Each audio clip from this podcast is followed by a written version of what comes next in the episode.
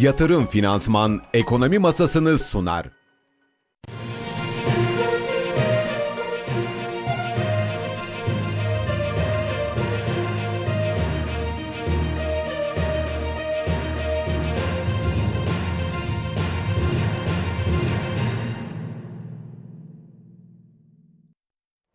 Nasıl bir ekonomi YouTube izleyicileri günaydın. Tarihimiz 29 Ağustos Salı saatler 7.30 gösteriyor. Ama siz hangi gün hangi saatte yayınımızı açtıysanız hoş geldiniz. Ben Berfin Çıpa ekonomi masasıyla karşınızdayım. Hemen bugünkü konuklarımızı aktarmak istiyorum. İlk dilimde Ankara notlarını Canan Sakarya'dan dinleyeceğiz. Ardından altın ve para piyasaları uzmanı Mehmet Ali Yıldırım Türk bizlerle birlikte olacak. Dün biliyorsunuz Türkiye Cumhuriyet Merkez Bankası Başkanı Gaye Erkan kuyumcular, kuyumculuk sektör temsilcileriyle bir araya geldi. Vergi meselesini yine konuşacağız, soracağız. Bakalım oradan gelen not, notlar neler. Ardından ikinci dilimde Ankara notlarını Ekonomi Gazetesi Haber Müdürü Hüseyin Gökçe'den alacağız. Hemen ardından Ekonomi Gazetesi yazarı Servet Yıldırım bizlerle birlikte olacak. Ekonomideki son gelişmeleri kendisine soracak soracağız. Kapanışta ise yatırım finansmandan Vahap Taş'tan bizlerle birlikte olacak. Piyasaların nabzını bizler için tutacak. Sorularınızı, görüşlerinizi, konuklarımıza iletmemizi istediğiniz bütün notları YouTube üzerinden bizlere paylaşabilirsiniz. Ee, hemen anketi de aktarmak istiyorum. Ekonominin geleceğine bakışınız bu hafta değişti mi diye sorduk.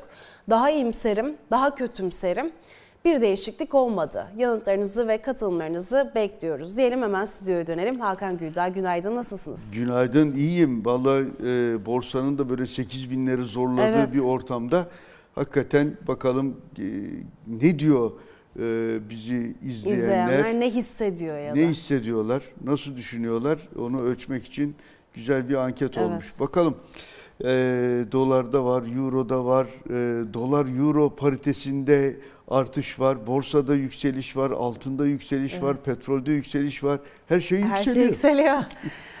Gerçekten öyle. Bir de hem yurt içi hem yurt dışı geçen hafta inanılmazdı piyasalar için gerçekten. Evet. Her şey yükseliyor dediğiniz gibi. O zaman hemen Ekonomin Komsemizin hazırladığı güne başlarken de başlatalım sohbetimizi ardından gündemimiz oldukça yoğun. Bankalarda yoğun mevduat mesaisi yaşanıyor. Merkez Bankası'nın kur korumalı mevduattan TL vadeli mevduata dönüşüm hedefi getirmesi sonrasında bankalar yo yoğun bir mesai yapıyor. TL vadeli mevduat faizleri %42'ye kadar yükselirken bazı özel bankalarda döviz dönüşlü KKM'lerin TL vadeliye geçişi için daha yüksek oranlar uygulanabildi. Ekonomi Koordinasyon Kurulu toplanıyor. Kurula Cumhurbaşkanı Yardımcısı Cevdet Yılmaz başkanlık edecek. Cumhurbaşkanlığı Külliyesi'nde düzenlenecek toplantıda öncelikle gündem maddesi enflasyonla mücadele olacak. Ayrıca toplantıda ekonomik gelişmeler de ele alınacak. Toplantı sonrası yazılı açıklama yapılacak. İhracatçının kredisi zayıflıyor. İhracat pazarlarında düşük taleple boğuşan ihracatçı içeride de finansman sorununu aşamıyor. Geçen yıl 19,6 milyar dolarla son 10 yılın en düşük seviyesine gerileyen Exim Bank kredilerinin toplam ihracata oranı pandemideki %16,8'lik zirveden %7,7'ye kadar düştü. Sanayi ve Teknoloji Bakanı Mehmet Fatih Kacır, Pomega Kontrolmatik Fabrikası'nın açılış törenine katılacak. Pomega Enerji Depolama Anonim Şirketi, lityum demir fosfat pil hücresi üretiminde lider olmayı hedefliyor. IMF Başkanı Georgieva, Çin, Jakarta ve Yeni Delhi'ye gidecek. Georgieva ve G20 zirveleri için Endonezya ve Hindistan'a gitmeden önce üst düzey liderlerle görüşmek üzere çarşamba gününden itibaren Çin'i ziyaret edecek. çok, çok özür dilerim. Piyasalar yoru, yoğun veri gündemine dikkat kesildi. Yurt içinde Türkiye İstatistik Kurumu Temmuz ayına ilişkin dış ticaret istatistiklerini ve Ağustos ayına ilişkin ekonomik güven endeksini 2023 yılına ilişkin hane halkı bilişim teknolojileri kullanım araştırması sonuçlarını açıklayacak. Evet gelişmeler de bu şekildeydi. Ben sözü size bir devredeyim hemen bir su yudum Tabii alayım. tabii sen suyunu al. Çok özür dilerim. Şimdi tabii e, faiz yarışı da hafif hafif. Yani dün KKM'den dönüşüm için e, dönüşüm tarihi e, anlamında ilk gündü. E, o yavaş yavaş da tabii başlamış durumda e, yarış. E, fakat baya bir ciddi aralık var. Yani yüzde 33 bir tarafında zaten %30'un üzerine çıkmıştı faiz arttırımından sonra. Şimdi 42'de olduğu görülüyor.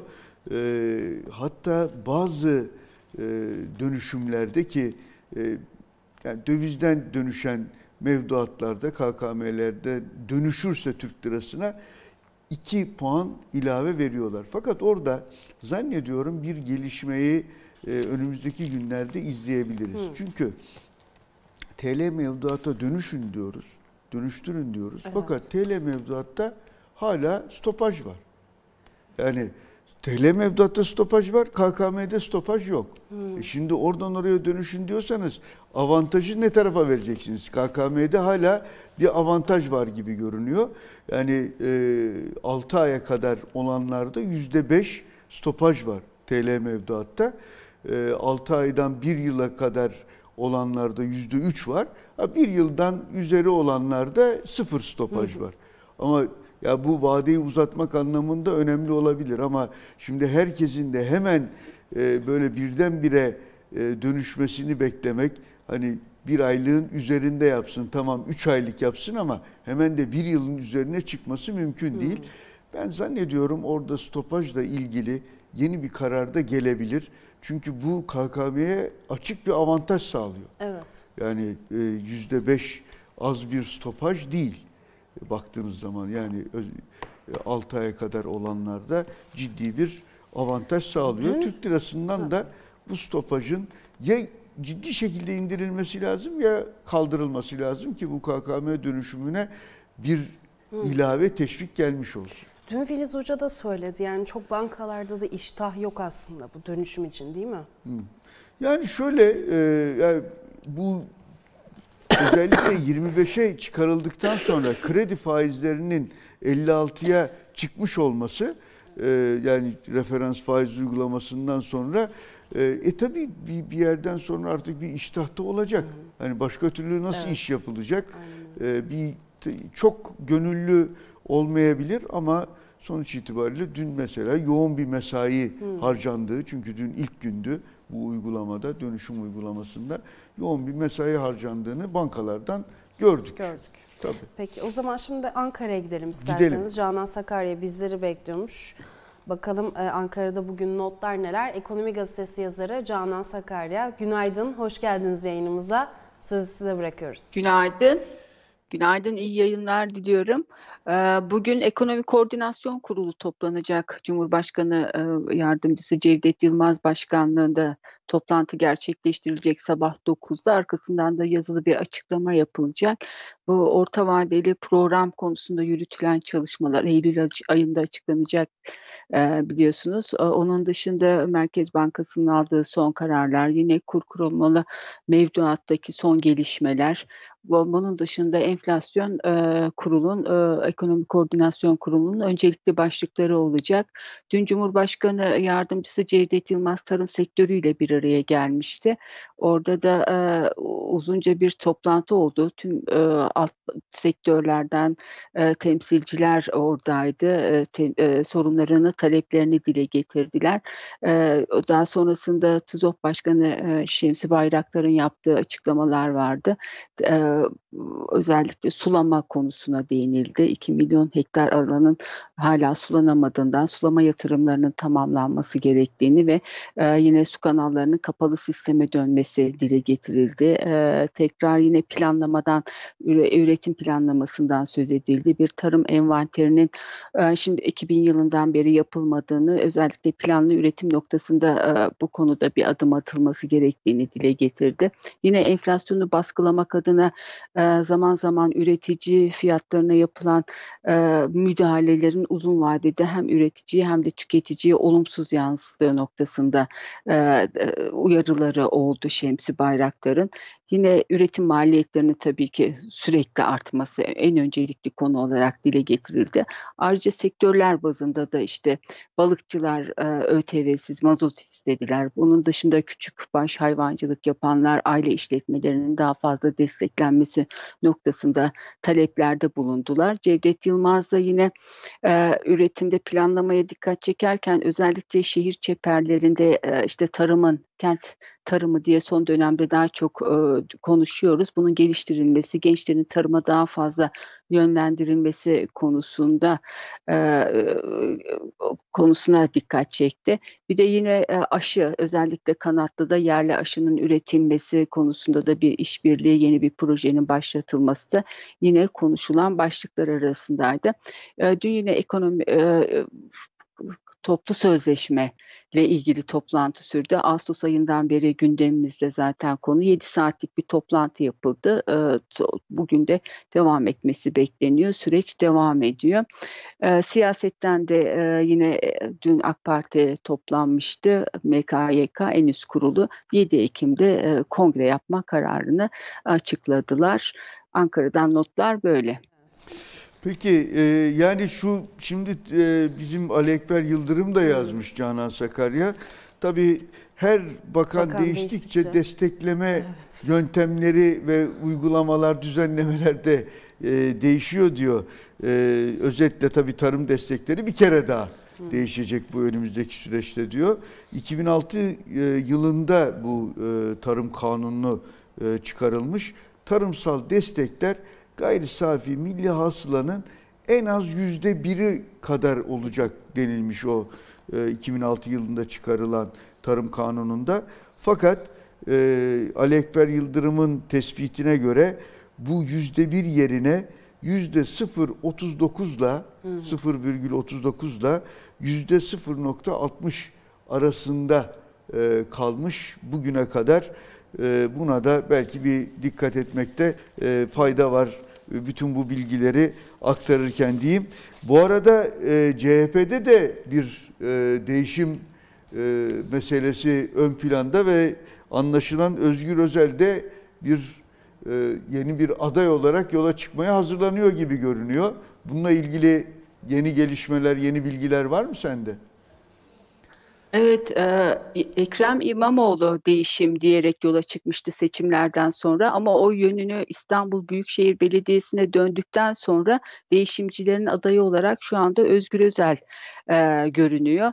Özgür Özel'in biz bu hafta içerisinde muta, e, bir tutum belgesi, adı henüz netleşmedi, tutum belgesi ya da e, bir vizyon belgesi açıklamasını bekliyoruz. Bu hafta içerisinde bu açıklanacak. Gelecek haftada e, planlanan adaylığını açıklaması şeklinde genel merkez kaynaklarına bakınca hani Özgür Özel'in son kongreden sonra kazanıp kazanamayacağı tartışmaları da yaşanıyor. Ama Özgür Özel cephesinde ya da değişimciler cephesinde Özgür Özel'in her şekilde kazanmak kazanmamak ötesinde her şekilde kararından vazgeçmeyeceği ve aday olacağı dile getiriliyor. Çünkü toplumda böyle bir beklenti olduğu, kongreye yine tek adayla gidilmesi halinde e, tabanda, seçmende büyük bir hayal kırıklığı yaşanacağı dile getiriliyor. Yani Özgür Özel cephesinde e, bu hafta e, bir adım atılmasını bekliyoruz. Önce bir tutum belgesi açıklanacak, adı netleşmedi. Bunu sosyal medyadan mı açıklanacak yoksa bir basın toplantısıyla mı açıklanacak? Bu tutum belgesi neden değişim isteniyor? Nereye gidilecek e, bu değişim talepleriyle? E, bununla ilgili mesajlar verilecek. Daha sonra da adaylık süreci işleyecek. Peki. Peki. Çok teşekkür ediyoruz Canan Sakarya. Kıymetli katkılarınız için size de kolaylıklar diliyoruz. Kolay evet, gelsin. Şimdi Ankara'dan yönümüzü ihracat tarafına çevirelim ben istiyorum. Ki o da zaten Ankara ile evet, direkt ilgili. Aynen öyle. İhracatçıya 1 milyar dolarlık paket geldi. Bununla başlayalım Hı-hı. isterseniz. Bankalardan kaynak sağlanacak. İhracatçı firmalar rotatif veya e, taksitli kredi seçeneklerinden birini tercih edebilecek. E, imza töreninde konuşan Türkiye Bankalar Birliği Başkanı ve Ziraat Bankası Genel Müdürü Alparslan Çakar, vadesiz ihracat kredi paketiyle dolar cinsi kredilere yıllık %7,99 TL kredilerde TRF e, artı 4 puan faiz uygulanacağını söyledi. Çakar 6 ayda ödemesiz dönem öngördüklerini kaydetti. Evet. TLRF artı 4 puan e, ve 7.99 tabi oldukça uygun e, rakamlar yani faiz oranları baktığımız zaman e, şimdi paketin biraz detayına girince COBİ'lere 1 milyon dolara kadar ki bu az bir rakam değil. E, o COBİ dışı firma, firmalara da 5 milyon dolara kadar e, bir e, kredi kullandırılacağı anlaşılıyor. E, bu önemli bir paket. 1 milyar dolarlık bu paket. Ama çok da artık gerekliydi. Hani ne nasıl derler bıçak kemiğe de dayanmıştı. E, dayanmıştı bu finansman tarafında. Sürekli konuşuyoruz zaten bu finansmana erişim sorunlarını ki bizim Merve Yiğitcan'ın bugünkü haberi de e, onu hı hı.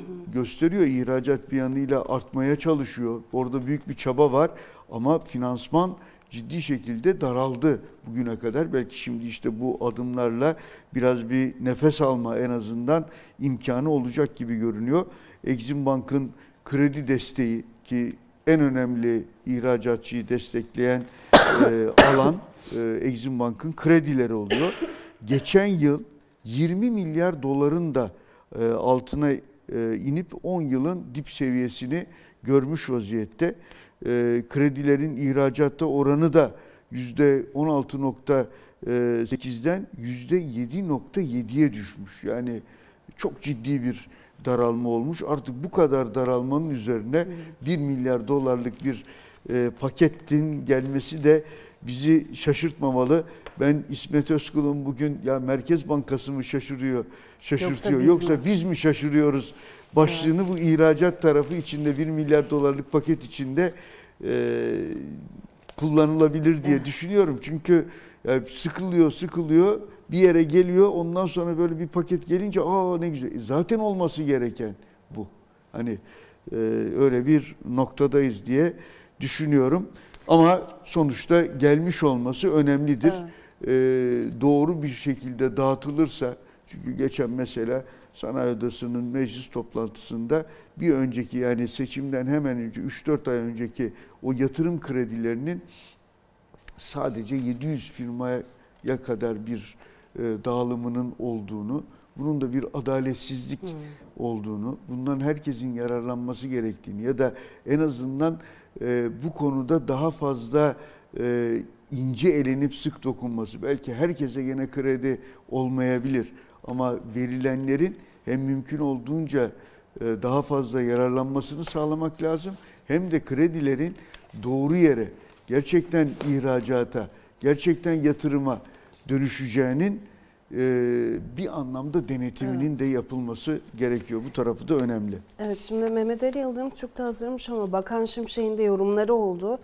Ee, kalıcı refah artışı için ihracatı önceliklendirmeye devam edeceğiz şeklinde paket ardından e, zaten aslında yeni ekonomi yönetimi geldiğinden beri hep ihracata ve e, finansman Öyle. konusu hep bir gündemdeydi. Finansman, Bu yönden de adımlar da Finansman konusu gündemde, finansman konusu e, hani e, gündemde kalmaya devam ediyor çünkü finansman yoktu. Evet. Finansman yapılmıyordu yani neredeyse, neredeyse diyelim hiç yapılmıyor, olmaz. Ama e, şimdi anlaşılan bir e, bu konuda hani seçici kredi, Merkez Bankası'nın o metinlerinde de rastladığımız, Şim, Sayın Şimşek'in de sık sık dile getirdiği o seçici kredi meselesi e, iyice şimdi belirginleşmeye başladı.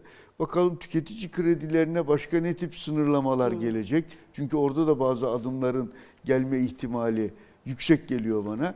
Ama e, istihdamın yaralanmaması için, büyümenin çok e, örselenmemesi için bu tarafa Destekler. yani yatırım, üretim tarafına kredilerin yönlendirileceği anlaşılıyor ki bu 1 milyar dolarlık 11 bankanın altına imzasını koyduğu pakette e, bunun bir göstergesi. Evet. Şimdi e, e, hazır ekonomi yönetiminden bahsetmişken dün Merkez Bankası Başkanı da e, kuyumculuk sektör temsilcileriyle bir araya geldi. Hemen altın ve para piyasaları uzmanı Mehmet Ali Yıldırım Türkiye dönelim. E, o tarafta gelişmeler, duyumlar neler kendisine bir soralım. E, altın ve para piyasaları uzmanı Mehmet Ali Yıldırım Türk bizlerle birlikte. Günaydın Mehmet Ali Bey, hoş geldiniz yayınımıza. Günaydın Berfin Hanım, günaydın Hakan Bey, hoş buldum. İyi yayınlar diliyorum.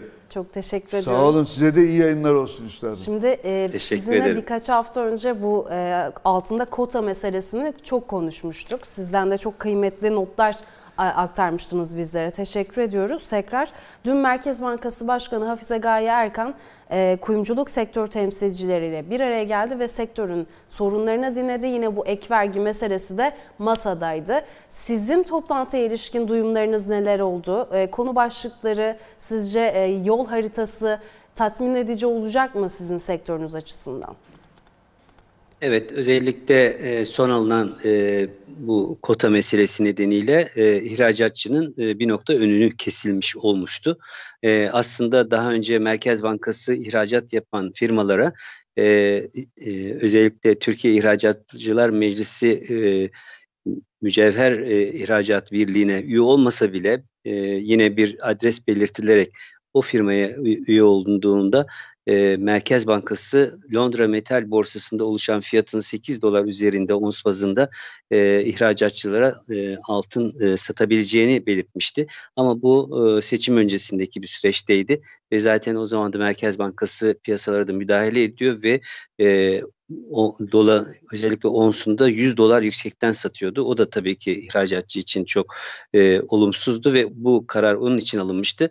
Fakat bu e, karar rafa kaldırıldı ve kota konuldu. Kota konulunca tabii ki e, özellikle e, mücevher ihracatı, takı ihracatında e, tabii ki sıkıntılar doğmaya başladı. En azından maliyetler yüksek olunca. E, tabii sektör bundan olumsuz etkilendi. Çok kısa sürede olsa iki ay gibi e, bir sürece sürede e, ve e, bu konuda tabii verilmiş siparişler de var. Bunların yerine getirilmesi zarar getiriyordu. Nitekim e, bunu önlemek için de işte sektör sektör temsilcileriyle bir görüşme yapıldı. Muhtemelen e, böyle bir e, çalışma yapıldığı henüz daha net bir şey açıklanmadı ama e, bu şekilde bir uygulamanın e, en azından ihracat yapan firmalara bir kolaylık sağlanacağı e, belirtiliyor. E, biliyorsunuz bu kota meselesi özellikle altın ithalatında e, belirli firmalara belirli ithalat, aylık ithalat miktarları belirlenmişti. Onlar henüz daha basına açıklanmadı. Sadece biz duyum şeklinde e, bunları e, öğreniyoruz. E, işte kimilerine e, aylık 50 kilo, kimi, kimilerine 100 kilo, 200 kilo, 25 kilo gibi büyüklüklerine göre e, e, bunlara kota e, getirilmiş durumda. Yani bunun üzerinde ithalat yapamazsınız şeklinde. Bu tabii içeride e, özellikle altın fiyatının dış piyasa fiyatına göre bir prim yapmasına neden oldu ki bu yasa çıkmadan önce dış piyasa ile iç piyasa arasında daha önceki yorumlarda da belirtmiştim. Kilogramında dış piyasaya göre e, 250 dolarlık bir prim yapıyordu. Şimdi 2000 dolarlık bir prim yapıyor. Dolayısıyla e, buna rağmen altın ithalatın altın e, talebinde e, devam ediyor e, yine. Çünkü enflasyonun düşeceğine inandığı zaman vatandaş altına ilgisini azaltacağını daha önce de belirtmiştim. E, dolayısıyla e, şu anda içerideki e, yatırımcı e, dış piyasaya göre 2000 dolar daha yüksekten altın alıyor ki Allah'tan e, altının dış piyasa fiyatında çok fazla bir yükseliş yok. Yani 1900 dolarlar seviyesinde e, geziniyor. E, onun için içerideki fiyatı çok fazla bir yansıması olmadı geçtiğimiz e, döneme göre. Hala e, 1700 TL seviyelerinde gram altın ama önümüzdeki dönemdeki bugün ekranda görüyorum 1924 dolarlar e, oluşmuş durumda. Muhtemelen burası geçilirse 1950-1985 dolar onsları gelebiliriz. O da içerideki fiyatı bir miktar yükselecektir diye düşünüyorum. Dolayısıyla e, kota getirmek işi çözmüyor aslında ve e, sektöre de zarar veriyor. Nitekim e, işte e, yine sektör temsilcileri bu konuyu dile getirip e, hem Ticaret Bakanlığı'ndan hem de e, Merkez Bankası Başkanı'nda böyle bir toplantı yapılmasının e, bir olumlu sonuç doğuracağı kanaatindeyim. Peki bu e, üstadım şimdi bu e, altın fiyatı ile ilgili bir biraz daha detaylandırmanızı rica edeceğim ama ondan önce şunu sormak istiyorum. Yani siz şimdi Kapalı Çarşı'nın uzun yıllar içindesiniz ve nabzını tutuyorsunuz. E, bütün bu son atılan atılan adımlar, yok bir gerçeği ifade ettim.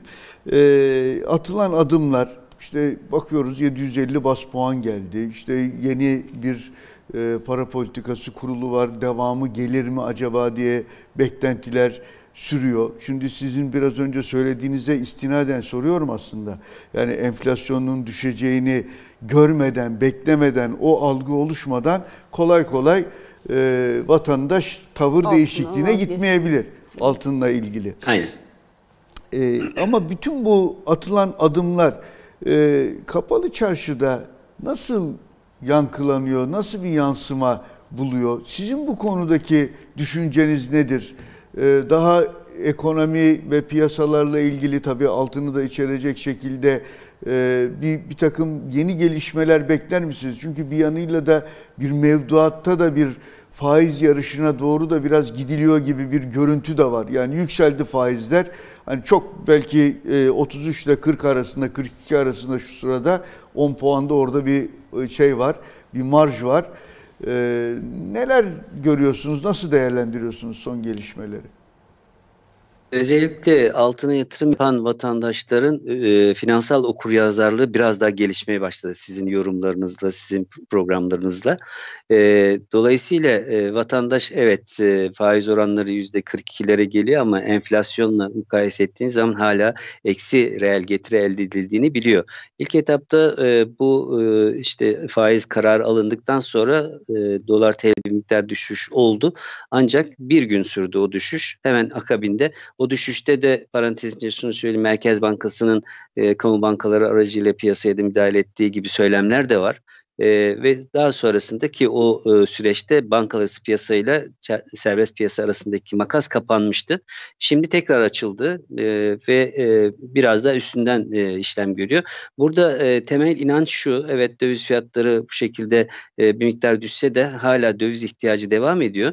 Dolayısıyla dövizin çok fazla düşeceğine inanmıyoruz diyor piyasa. Ve e, mümkün olduğu kadar e, bu konuda açık da gitmek istemiyor bizim tabirimizde. Yani sattığını yerine koymaya çalışıyor.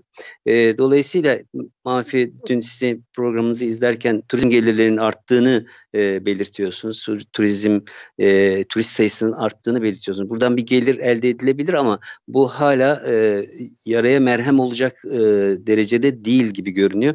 O bakımdan e, döviz fiyatlarındaki bu e, temkinli duruşun e, ve fiyatların küçük çaplı da olsa yükseliş eğiliminde olması e, hem vatandaşı hem e, özellikle sektör içindeki e, dövizle işlem yapanları daha temkinli olmaya e, itiyor.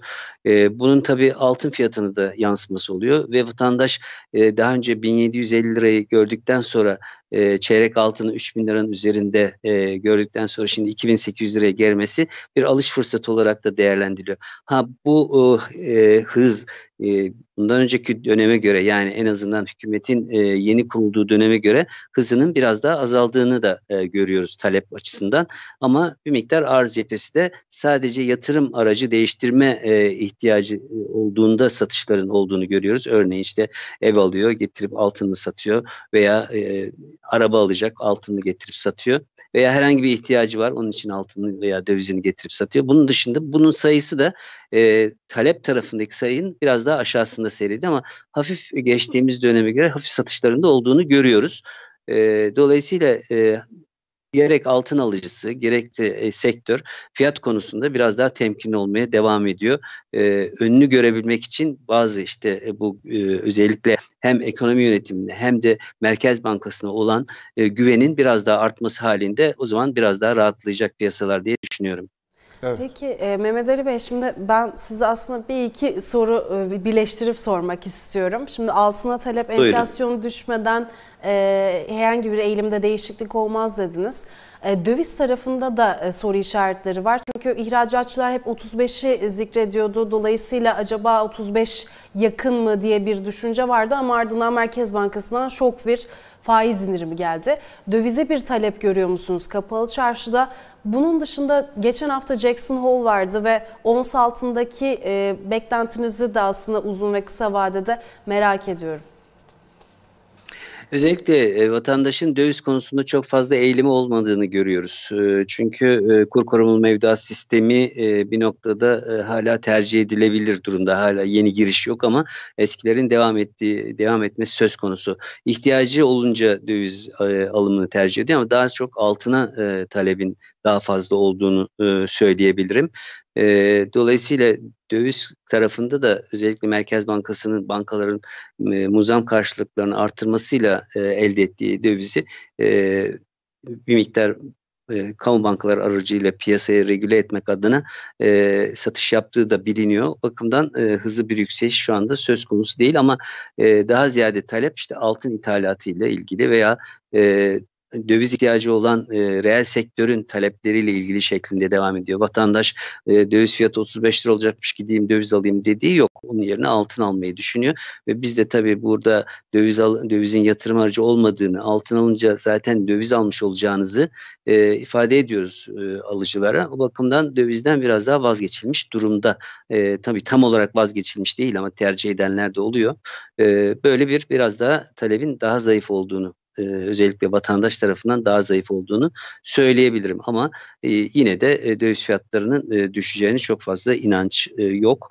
E, evet belki 35 lira te telaffuz ediliyordu ama şimdi o rakam biraz daha aşağı çekildi. 30 lira 32 lira gibi beklentiler oluşmaya başladı. E, burada tabii yine Merkez Bankası'nın bundan sonraki dönemde faiz e, artırımını ne derece yapacağı ve e, özellikle piyasa faiziyle e, politika faizi arasındaki makasın ne kadar kapanabileceği bunlar tabii ki belirleyici olacak. Jackson Hole toplantısında beklenildiği gibi çok fazla bir e, hani e, e altını destekleyecek veya baskılayacak bir konuşma olmadı. Sadece e, işte biz %9'dan %3'e düşürdük e, e, enflasyonu düşürmeye de devam edeceğiz şeklinde ifadeler olsa bile gelen ekonomik veriler ki bu hafta sonunda Cuma günü yine tarım dışı istihdam verisi açıklanacak. Bunların olumlu gelmesi halinde Eylül ayında e, özellikle Amerikan Merkez Bankası'nın faiz e, değişikliği yapmayacağı beklentisi şu anda satın alınırken bir ayrıca e, ay sonu kontrat işlemlerinin de sonuna gelinmiş durumda. Bir de yaz ayları bitiyor artık kışa girerken e, sonbahara girerken daha doğrusu yatırımcının tatilden döndüğünü ve yeni pozisyonlar almaya başladığını bu arada da dünyada hala enflasyonun e, düşüş eğiliminde olmadığını ve e, bazı bölgelerde de e, yeni e, parasal genişlemeler özellikle Asya piyasalarında olması nedeniyle e, bir miktar enflasyonda da düşüş çok fazla beklenmiyor. Jeopolitik gerginlikler zaten devam ediyor. ilaveleri de var. Bunlar altını destekleyen gelişmeler. O bakımdan Jackson Hole toplantısında altını baskılayacak çok fazla bir şey olmadı. Nitekim ilk açıklandığı konuşma yaptığı zaman e, Powell e, 1908 dolara kadar gerilemişti. Sonra 1915 dolarlaydı. Dün de gün boyu e, bir ara 1919 dolarları geldi. Ama şu anda 1924 dolar ki burası geçilirse biraz önce de belirttiğim gibi ilk etapta 1950 daha sonra 1985 dolar seviyeleri masada duruyor e, teknik, teknik e, direnç olarak ama e, önümüzdeki e, aylar itibariyle artık e, altın fiyatlarının da bir miktar daha hareketleneceği bir döneme gireceğiz. Endüstriyel metallerde bir miktar hareketlilik var. Aynı zamanda petrol fiyatları da hala katılığını sürdürüyor. Bunlar tabii e, özellikle altın fiyatını dış piyasalar itibariyle etkileyen e, gerekçeler. Evet, petrolde yani 85 evet. Yani Brent petrol en azından 84-90 evet. 85 seviyesinde kaldı. Gerçekten e, bizim bugün Evrim Küçük'ün de hı hı. haberlerinde var. Nikel'de bir hı hı. artış var. Demir cevherinde evet. Çin toparlanıyor diye bir artış e, bir yüzde yedilik, yüzde sekizlik da vardı. Bir artış var. Evet. İlginç bir Bakır dönem. özellikle gösterge tabii. Evet. Evet. Bakır önemli bir gösterge. Boşuna doktor bakır demiyorlar evet, üstadım. evet doğru. Çok teşekkür Ben de yakından izliyorum. Çok teşekkür ediyoruz kıymetli katkılarınız için. Çok sağ olun Mehmet Ali. Ben teşekkür Ağzınıza, ederim. İyi yayınlar diliyorum. Çok sağ olun. Sağ olun. Sağ olun. Altın ve para piyasaları uzmanı Mehmet Ali Yıldırım Türk bizlerle birlikteydi. Bu, ara, bu arada altına değil dolara eğilim daha fazla dedi kapalı çarşıda Tam da. tersine. Çok özür dilerim doğru evet. Dolara değil altına e, daha yani, fazla Yani vatandaş talep nezdinde var, hala e, dolar yerine daha fazla daha çok altına Altın talep, talep var. Ediyor. Yani dövize hiç talep yok anlamında değil, değil Aynen ama hani altın kıyaslayacak olursak çıkıyor. altın öne çıkıyor. Evet şimdi o zaman ilk dilimi noktalayalım isterseniz Hakan Bey. Haberimize gidelim haberin ardından sohbetimize devam edelim. E, Türkiye Suudi Arabistan yuvarlak masa toplantısında konuşan TOP Başkanı Rifat Sarcıklıoğlu bu yıl Suudi Arabistan'la ticarette ciddi bir büyüme gördüklerini belirterek orta ve uzun vadede 30 milyar dolarlık ticaret hacmini gerçekleştirebiliriz dedi. Haberimizi izliyoruz. Haberin ardından ekonomi masası devam ediyor. Please use your earphones. I will make my speech in Turkish. İş dünyası olarak ülkelerimiz arasındaki ekonomik ilişkilerin yeniden canlanmasından biz iş dünyası olarak son derece mutluyuz.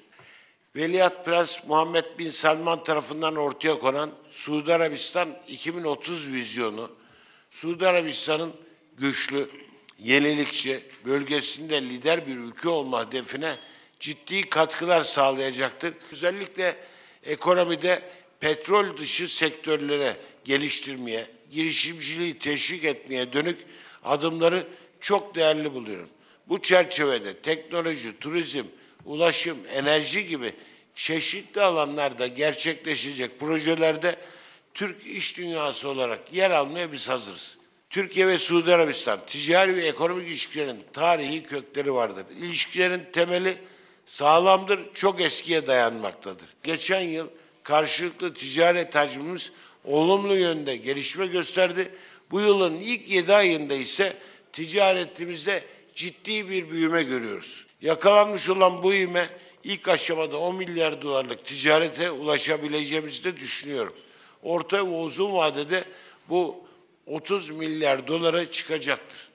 Ülkemizde Suudi Arabistan'da Suudi Arabistan menşeli yatırımcılara baktığımız zaman yaklaşık 2 milyar dolar civarında Suudi Arabistanlı yatırımcının yatırım mevcuttur. Yatırım Finansman'ın sunduğu ekonomi masası devam edecek.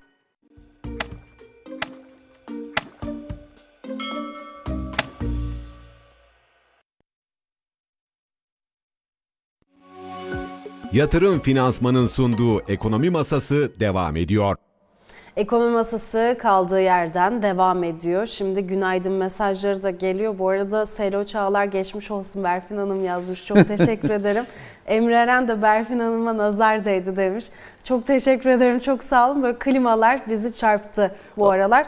Yani Spotify'da şu an beni dinleyenler için çok özür dilerim. Bir öksürükle ve kulaklık kullanmayın lütfen bu yayında bu seferlik. Tekrar teşekkür ediyorum iyi dilekleriniz için. Kusura bakmayın efendim. Şimdi e, Baymak'la birlikte bir uygulama başlattık evet. e, Hakan Bey. Aslında bu hem öğretici hem de keyifli bir uygulama. Çünkü yani mesela bugün yeşil etiket ne ekranlara da getirdik. Yeşil etiket neymiş? Sürdürülebilirlik sözlüğü Sürdürülebilirlik değil mi Baymak'la? Sözlüğü, evet. Bu bir süredir bizim ekonomi gazetesinde zaten sağ üst köşede evet. yer alıyordu. Ee, gerçekten de ilginç. Evet. Yani bu sürdürülebilirlik meselesine bizim kendimizi iyiden iyiye bir alıştırmamız lazım. Aynen öyle. Dün mesela ilginç tam da e, ismini de böyle söyleyemediğim ama Hı-hı. tuzun kullanımıyla ilgili bir şey vardı. Muhtemelen onu da anarız. Ama bu böyle daha e, kolay ve e, genellikle sürdürülebilirliğin rengi gibi de kabul edilen Hı-hı. yeşille başlıyor. Evet. Yeşil etiket. Yeşil etiket neymiş? Bir ürünün çevre dostu olduğunu Olduğunu gösteren sertifikaymış. sertifikaymış. Peki. Evet. Bu, bunu her gün böyle aslında takip edeceğiz. Her gün yeni bir kelime de Dağarcığımıza bir şeyler daha katılacak. Aynen öyle eklemiş olacağız. Bunu da hemen aktarmak istedik. Şimdi isterseniz hemen e, konumuza geri dönelim. Bugün Yener Karadeniz'in bir haberi var. Onunla evet. ben devam etmek istiyorum. E, hazır giyim sektörünün Avrupa Birliği'ndeki kan kaybı hızlanmış. Hmm pazarın e, genelindeki daralma ikiye katlanmış. İhracatın lokomotifi, lokomotif sektörlerinden hazır giyimin Avrupa pazarındaki kan kaybı derinleşiyor. Avrupa Birliği hazır giyim pazarında Türkiye'nin yeri başlıklı rapora göre bu yılın Ocak-Nisan döneminde bölgenin konfeksiyon ürünleri ithalatı %7,3 azalışla 31,3 milyar euro olarak gerçekleşirken Türkiye'den yapılan ithalat genel düşüş ortalamasını yaklaşık ikiye katladı. Değerlendirmeniz ne olur Hakan Bey bu konuda?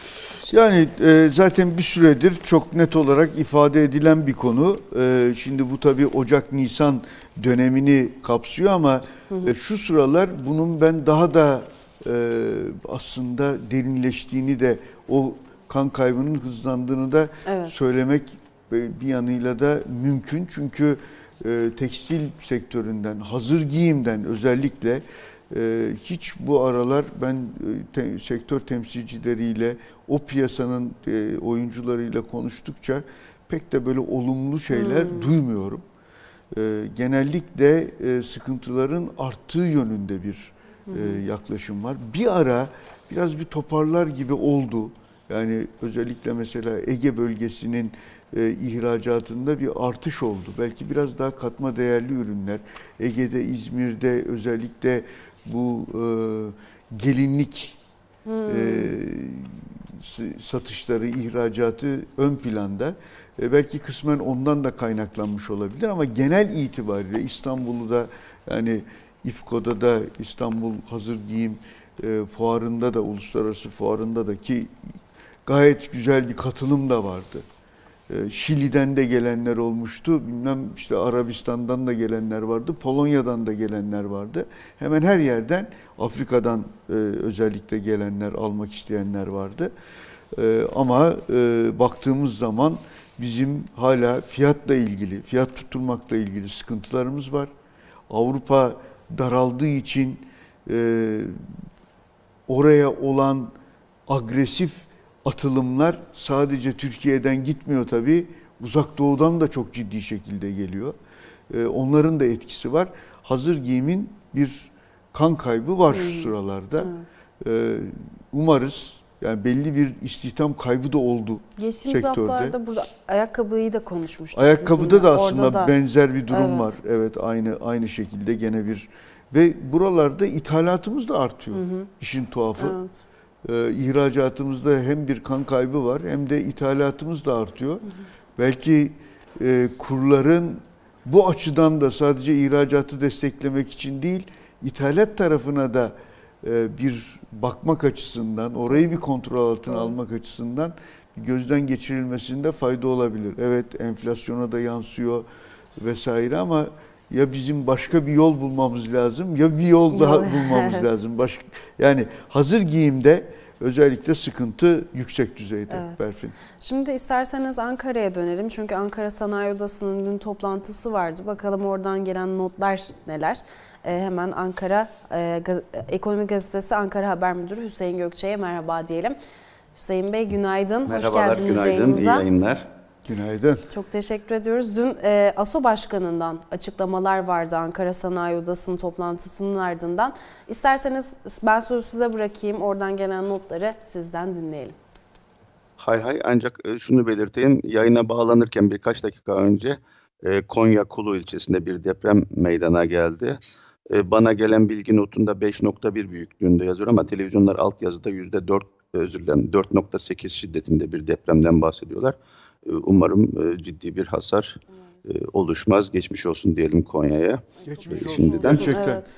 Hepimiz iyi dileklerimizi gönderelim. Çok geçmiş İnşallah olsun. herhangi bir şey olmamıştır. Demek ki Türkiye'nin depremsiz yeri yok. Yani en evet. e, az depremle andığımız ilimiz Konya'ydı. Benim bildiğim Konya'da da bu depremi yaşadık. Evet.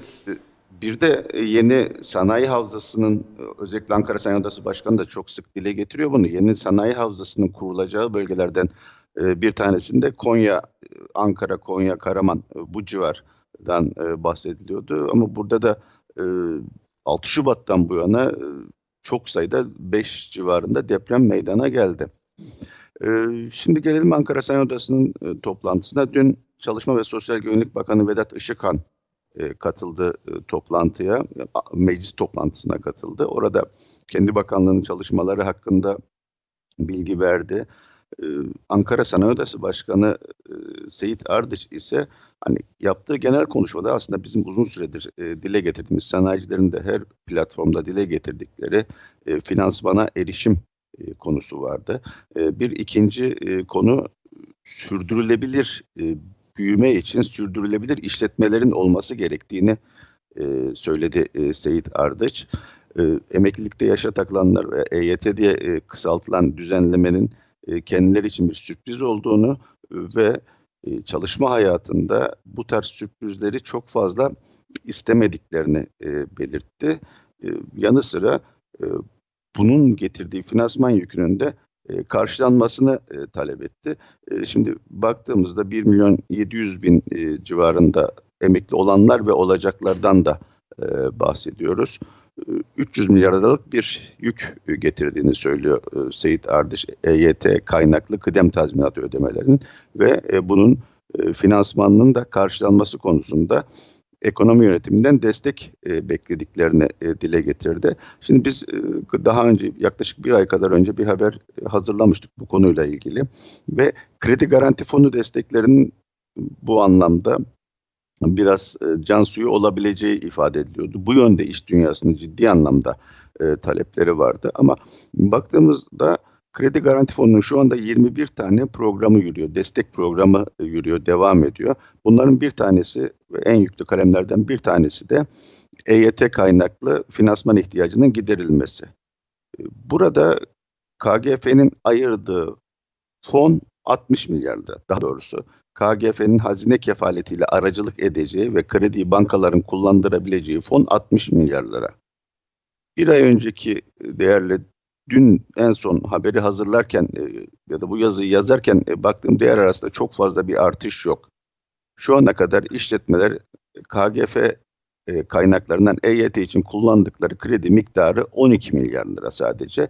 Yani ayrılan kaynağın da %18,5'una e, karşılık geliyor. E şimdi bir yandan bakıyorsunuz işletmeler diyor ki bizim finansmana ihtiyacımız var. KGF'yi devreye sokun. Bir yandan ekonomi yönetimi diyor ki biz e, işletmelerimize KGF aracılığıyla destek veriyoruz diyor. Ama bakıyorsunuz e, ortada 60 milyarlık destek var. Bunun sadece %18,5'u kullanılabilmiş. Burada e, herkes topu bankalara atıyor. Bankalar da KGF kredilerini aracılık etmek istemiyorlar. Niye aracılık etmek istemiyorlar? Çünkü e, burada Merkez Bankası'nın politika faizinin üzerine e, 2 ya da 3 puan kredi cinsine göre eklenerek bir takım e, kredi kullandırılabiliyor. Hatırlayın daha yakın zamana kadar Merkez Bankası'nın e, politika faizi 8,5'tu. Bankalar %11 11,5 ile kredi kullandırmak istemiyorlardı.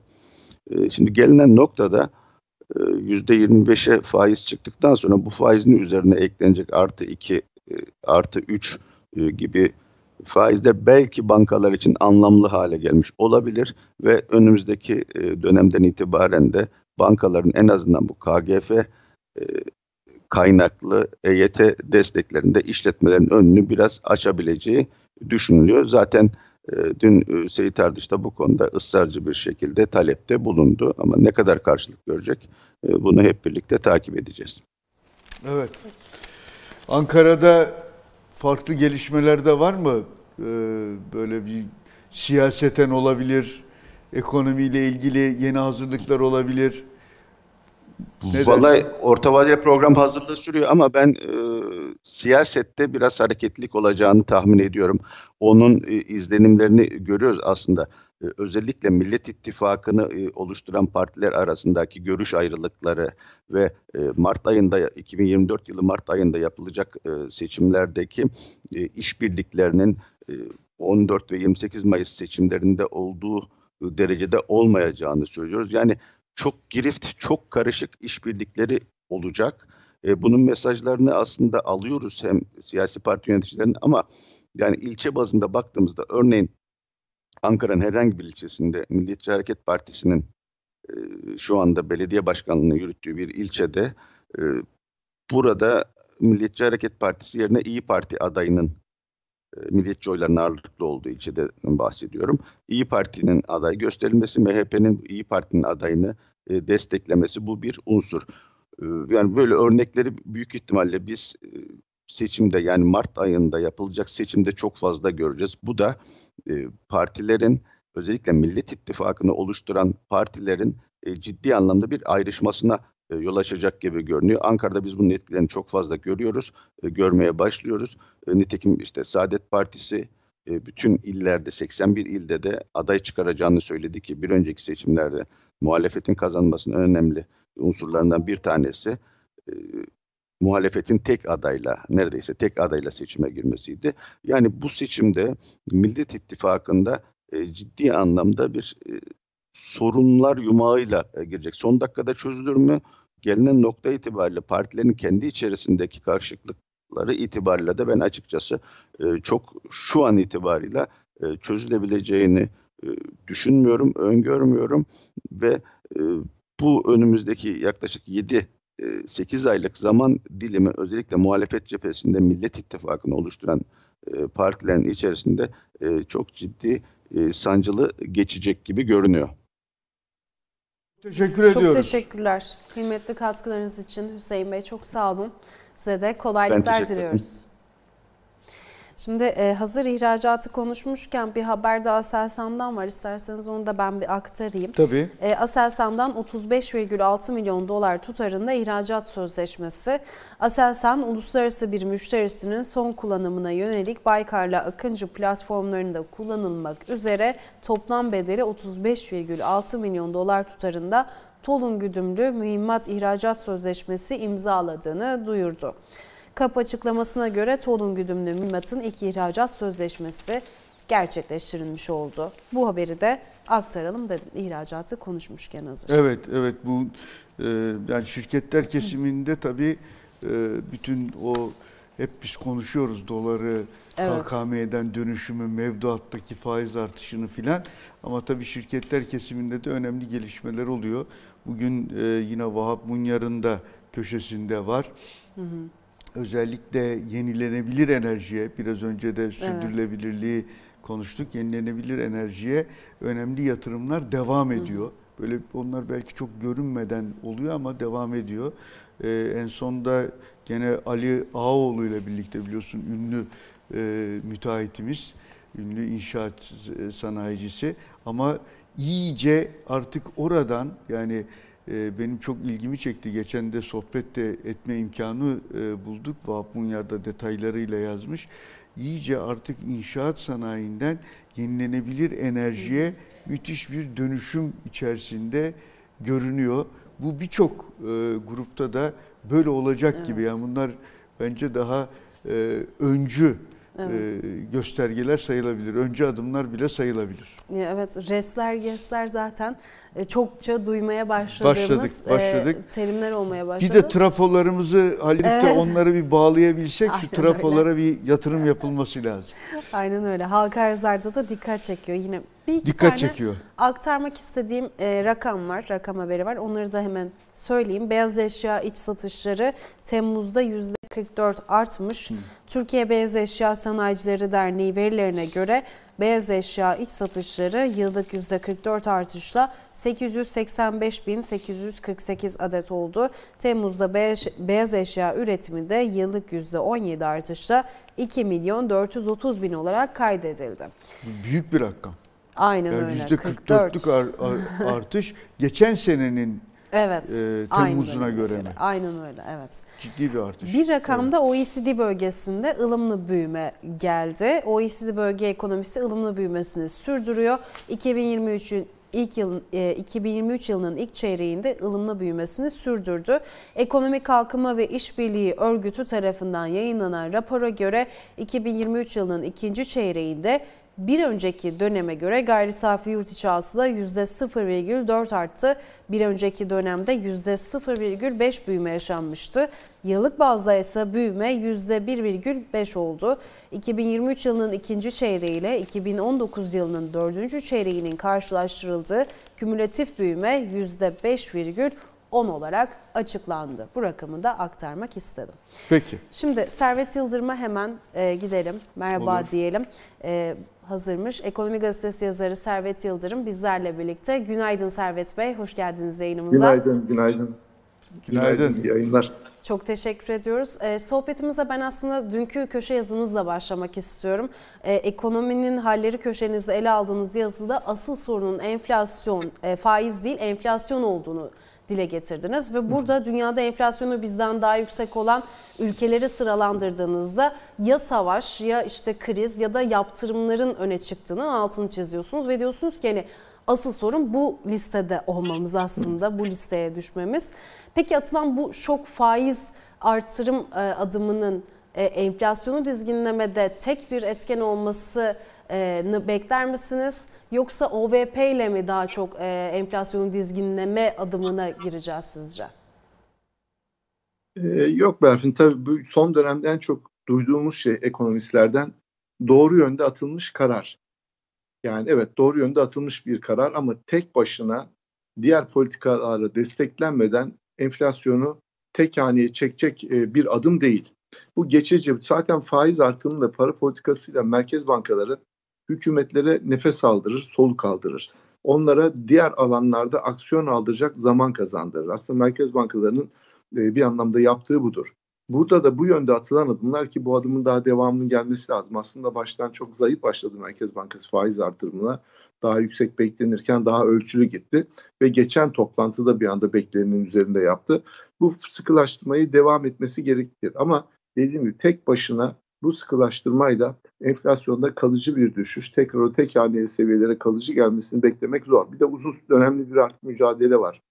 Çünkü e, Merkez Bankası açıkladığı hedeflere baktığım zaman 2024 yılında başlayacak bir dezenflasyon sürecinden bahsediyoruz. Şu andaki adımlar buna yönelik olarak o zeminin hazırlanması gibi.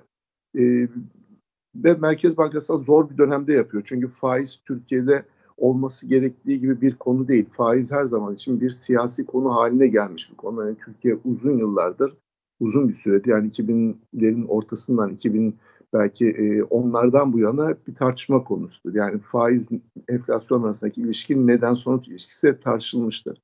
Yüksek faiz mi enflasyona yol açar yoksa enflasyon mu yüksek faizin getirdiği bir e, zorunluluktur diye. E, biz 2021 ortasında bir deneye başladık. E, ve bu deneyle de işte e, faiz inerse enflasyon da aşağı iner gibi bir e, teoriyi test etmeye başladık. E, biz bu teoriyi test ettiğimizde işte hep konuşuyoruz. Enflasyon %15-20 aralığındaydı. Politika faizi %19'du. E, Türk lirası 9 liranın hemen altındaydı. Cari açık işte milli gelire oranla %2 civarındaydı. Yani gayet makul bir seviyedeydi. E, ekonomi de büyüyen bir ekonomiydi. Biz bu e, tezi test etmeye başladıktan sonra olanları biliyoruz. Yani enflasyon ulaştığı seviyeleri kaldı ki karşında cari açıkta da gözle görülür bir iyileşme olmadı. E, kur aldı başını gitti, enflasyon aldı başını gitti. İşte büyümede zikzaklar yaşandı. Dolayısıyla bu denendi ve görüldü ki aslında enflasyon faiz ilişkisi çok da böyle değil. Aslında bu tartışmayı da Türkiye'nin aşması gerekiyordu. Çünkü 15-20 yıldır neredeyse bu tartışma bizim çok enerjimizi aldı. E, çok zamanımızı aldı. Ve şu anda herhalde bir süre bu tartışmaya dönüleceğini ben düşünmüyorum ya da uzun bir süre dönülmez. Yani bu son yaşananlardan sonra. Şimdi Merkez Bankası burada duruşunu değiştirdi. 2021 ortasındaki Merkez Bankası'nın duruşu öyle bir duruştu ki Merkez Bankası e, kendisini sürdürmesi imkansız bir pozisyona hapsetmişti. E, politik olarak elini kolunu bağlamıştı. Faiz gibi en önemli enstrümanını kullanamaz olmuştu enflasyon görünümündeki bozulmaya karşı. Şimdi böyle bir durumdan yeni Merkez Bankası yönetimi farklı bir duruşa geçti. İşte bu duruşun sonucunu görüyoruz. Yani bu duruşa geçmekte dediğim gibi biraz da zorunluluktan oldu. Az önce sen de girişte saydın. Benim o yazıda da koydum. Hani Türkiye'den daha yüksek enflasyon olan ülke Surinam var. Suriye ile Sudan var. İşte bunların ikisi de dediğin gibi savaş halinde ekonomi ülkeler. Venezuela var, Amerika yaptırımları e, altında. Lübnan var, ekonomik krizde. Zimbabwe var, ekonomik krizde. Arjantin var, ekonomik krizde. Yani normal bir ekonomi yok. Biz anormal 7 ekonominin arasında olan bir e, ekonomi haline geldik. Bu bizim için acı bir durum. E, faiz yükseldi. Şu anda dünyanın en yüksek 3. 4. faizi. İşte Arjantin, Zimbabwe, Venezuela var yüzden yüksek. Yani burada sorgulanması gereken bunun için diyorum. Yani faizin geldiği seviye değil, bizim enflasyonda o ilk küme arasında yer alışımız. Hangi yanlışların bizi buraya getirdiğine biz odaklanmamız lazım. Çünkü faiz bir sonuç. Bu kadar yüksek enflasyon varsa buna uygun bir faizle cevap vermek zorundasınız ve faiz kötüdür. Yani yüksek faiz maliyetleri artırır, yatırım maliyetini artırır, çalışan için de kötüdür, işveren için de kötüdür. Yani faizin savunulacak hiçbir yeri yoktur. Faiz kötüdür, faizin yüksek olması ekonomideki sorunun işaretidir. Başka bir şey değildir. Hani faizi böyle almak lazım. Ee, onun için şimdi bir adım başladı. Bu duruşun diğer adımlarla da desteklenmesi lazım. Maliye politikasında, ücretler politikasında, diğer adımlarla desteklenmesi lazım. Buradaki en önemli şey o açıklanacak orta vadeli program olacak ama orada da benim bir endişem var. Hakan da çok iyi hatırlar. Biz 2021 yılında bir orta vadeli program koyduk. Orta vadeli programın kurgusuna baktığın zaman gayet doğru bir kurgusu vardı. Fakat birkaç ay sonra orta vadeli program rafa kalktı. Biz Türkiye'deki o meşhur dönüşü yaptık. Dolayısıyla yani OVP'yi hazırlamak yetmiyor, OVP'yi uygulamak gerekiyor. Zor kısmı da odur. Yani geçmişte açıklanmış birçok OVP'nin arada saptığını, rafa kaldırıldığını, hedeflerin e, farklılaştığını, sulandırıldığını gördük. E, bunun da olmaması gerekir. Sen, sen sor ben tamam. OVP ile ilgili bir başka e, pencere tamam. açmak istiyorum. Size Bu OVP çok meselesi var, önemli. Servet Bey. Ee, şimdi benim sorum şu olacak. Yabancı girişlerle alakalı 750 bas puan faiz artışının ardından e, yabancı geri dönmeye değerlendiriyor şeklinde haberler gelmeye başladı. Çünkü TL cinsi varlıklardan çıkış yapmıştı. Yabancı yatırımcılar Reuters'a gitmiş ve birkaç yabancı yatırımcıya sormuş. Evet biz bunu değerlendiriyoruz demiş ama ben şöyle e, eleştiriler de okudum. Şimdi hep e, Merkez Bankası'nın metinlerinde kademeli faiz artışı vurgusu vardı ama 750 bas puanın neresi kademeli şeklinde eleştiriler de e, geldiğini okudum. Sizce yabancı için yani bu belirsizlik ortamının daha da mı artırıyor? Yoksa yabancı için pozitif olarak algılayabilir miyiz? Ama kademeli yabancı. sözü zaten şeyden kalktı. Evet ama işte... Metinden kalktı.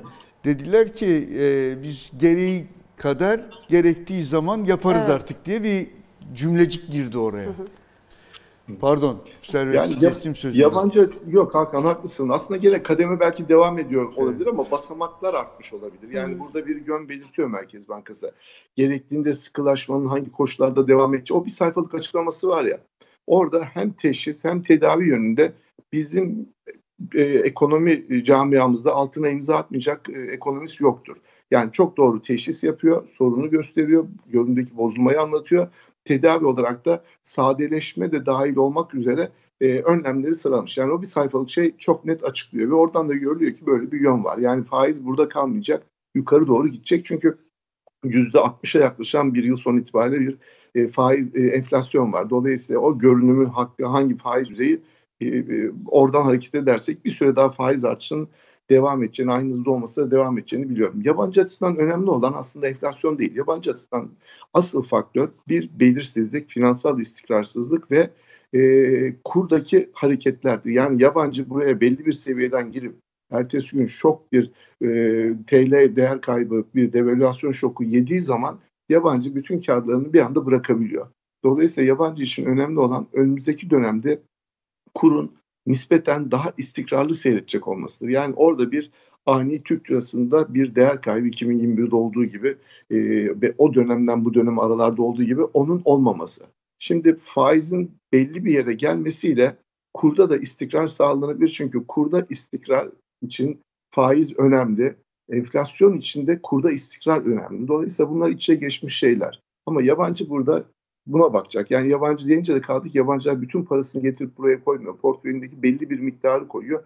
Belli bir risk üstleniyor. Yani yerlerden farkı bu. Onun için yabancı o ayırdığı payı artırmak için devalüasyon riskinin azalmasına bakacaktır ve e, nominal getirinin önemli. Yani reel getiri önemli değil. Faizlerin nominal geldiği seviye önemli ve kur seviyesi önemli onun için. Nominal anlamda da faizler, hazine bonosunun, devlet taahhütlerinin faizleri yabancıyı çekecek boyuta gelebilir mi? Gelebilir çünkü şu anda diğer kağıtlarda diğer ülke kağıtlarında nominal olarak yakalayamayacağı getiriyi Türk kağıtlarında, Türk enstrümanlarında yakalayabilir. Onun için yabancı girişini hızlandırabilir. Bunun tekim işte biz filmlerinde de görüyoruz aşağı indi. Ee, böyle kıpırdanma o yönde var, yabancı ilgisi var. Senin bahsettiğin haberde Reuters'ın haberiydi. Yani uluslararası camiadaki havayı yansıtan bir haber. Yabancı başını kaldırdı, şimdi Türkiye'ye bakmaya başladı diye. Tabii bizim burada bahsettiğimiz yabancı kısa vadeli portföy girişleri henüz doğrudan yabancı e, sermaye yatırımlarında için bunu söylemek belki mümkün değil ama bu konuştuğumuz kısa vadeli portföy girişi çok istenir mi? E, aslında e, sakıncası da var, yarar da var onun. Sıcak para deniyor zaman zaman ama bizim buradan çıkıp soluk almak için maalesef o kısa vadeli girişlere ihtiyacımız var. E, bizim gibi ekonomilerin. Evet. Ya zaten 750 bas puan da onun için geldi herhalde. Biraz bir tabii, tabii. şimdi e, New York'ta eğer yatırımcılarla bir araya geleceksek yani orada bir şeyler söylememiz lazım. Muhtemelen devamının geleceğini de e, söyleyeceğiz. Orada bazı dengelerin değiştiği anlaşılıyor gibi görünüyor.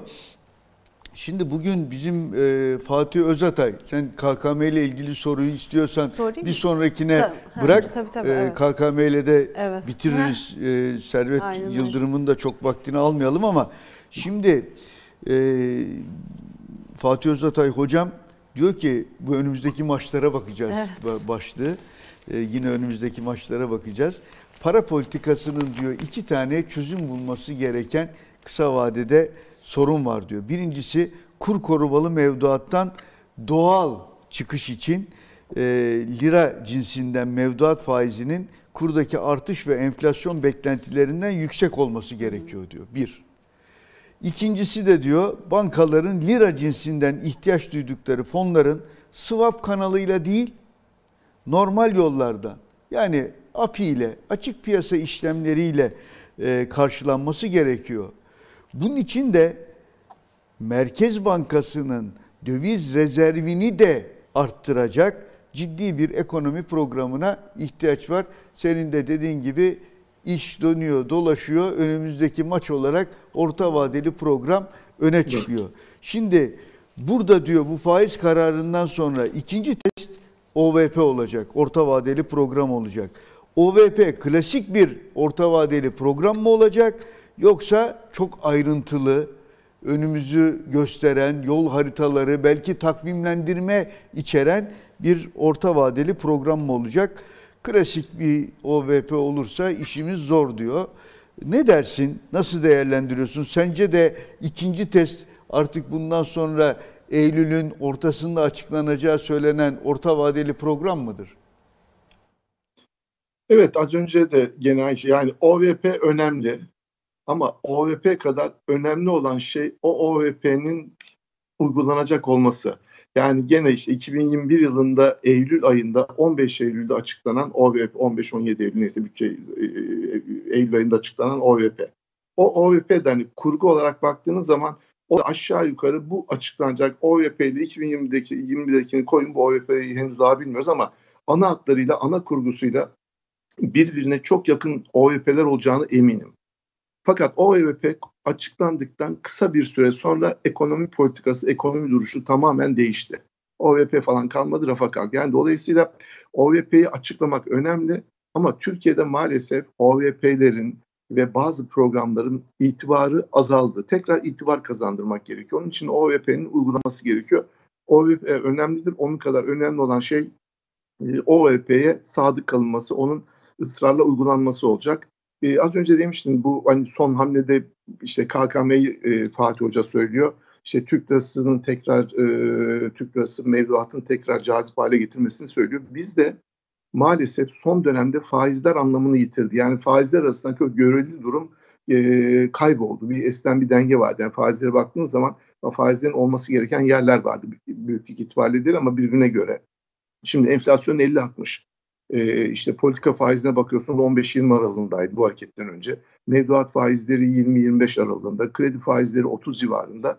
Şimdi öyle bir yapı ki ve enflasyonda 50-60 civarında. Bu ortamda bankalar kredi vermek istemiyordu. Mevduat sahibi bankası bankaya götürüp parasını TL mevduat olarak vermek istemiyordu. Yani o bütün büyüklüklerin içi yavaş yavaş boşalmıştı. Şimdi 7,5 puanlık artışla o ticari kredilerde tekrar bankaların e, kredi verebileceği bir düzeye çıkmasına imkan tanındı. TL enstrümanı güçlendirmesiyle TL mevduat sahibi KKM'den çözülen parayı kademeli olarak TL mevduata getirebileceği bir ortam yaratılabilir. Hala yaratıldı demiyorum. Dolayısıyla faizler yerine oturabilir. Yani ekonomideki bir anlamdaki piyasalardaki finans sistemindeki tıkanıklık aşılması gerekiyor. Bunu aşma yönünde bu önemli bir adım olarak görüyorum ben bunu. Aşılmış gibi de değil. Dün senin de yakından tanıdığın bir iş insanıyla e, tesadüfen Zorlu Center'da e, karşılaştık ve bana ilk söylediği abi sabahları konuşuyorsunuz çok güzel de Allah aşkına bunun sadece Mehmet Şimşek'in yaptığı, uyguladığı politikalarla alakası yok. Bizim bankalarımızda maalesef doğru düzgün bu uygulamaları yerine getirmiyorlar. Çok e, çekingen davranıyorlar. Benim e, imkanım olmasına rağmen, limitim olmasına rağmen benim ödemem gereken parayı bana iki günde bulup da vermediler, veremediler. Bu da beni çok ciddi sıkıntıya soktu. Yani şimdi onun peşindeyim gibi bir serzenişte, şikayette bulundu. Ya lütfen bunları da dile getirin diye de ifade etti. Yani bunu çeklerle ilgili konularda da zaman zaman e, rastlıyoruz. İşte ödendi, ödenemedi. Hani sadece e, hesapta var yok meselesinin ötesinde para bugün yeterli değil di, gibi bir takım e, gerekçeler ön plana çıktığını anlıyoruz. Umarım senin de dediğin gibi bu yeni düzenle birlikte buralara da bir ferahlama gelir. Çünkü hani adımlar atılıyor ama uygulamaya, sahaya, sokağa bakınca o adımlar sanki e, hemen yansımış gibi de görünmüyor doğrusunu söylemek gerekirse piyasaya. Biraz zaman alacak haklısın. Öyle görünüyor.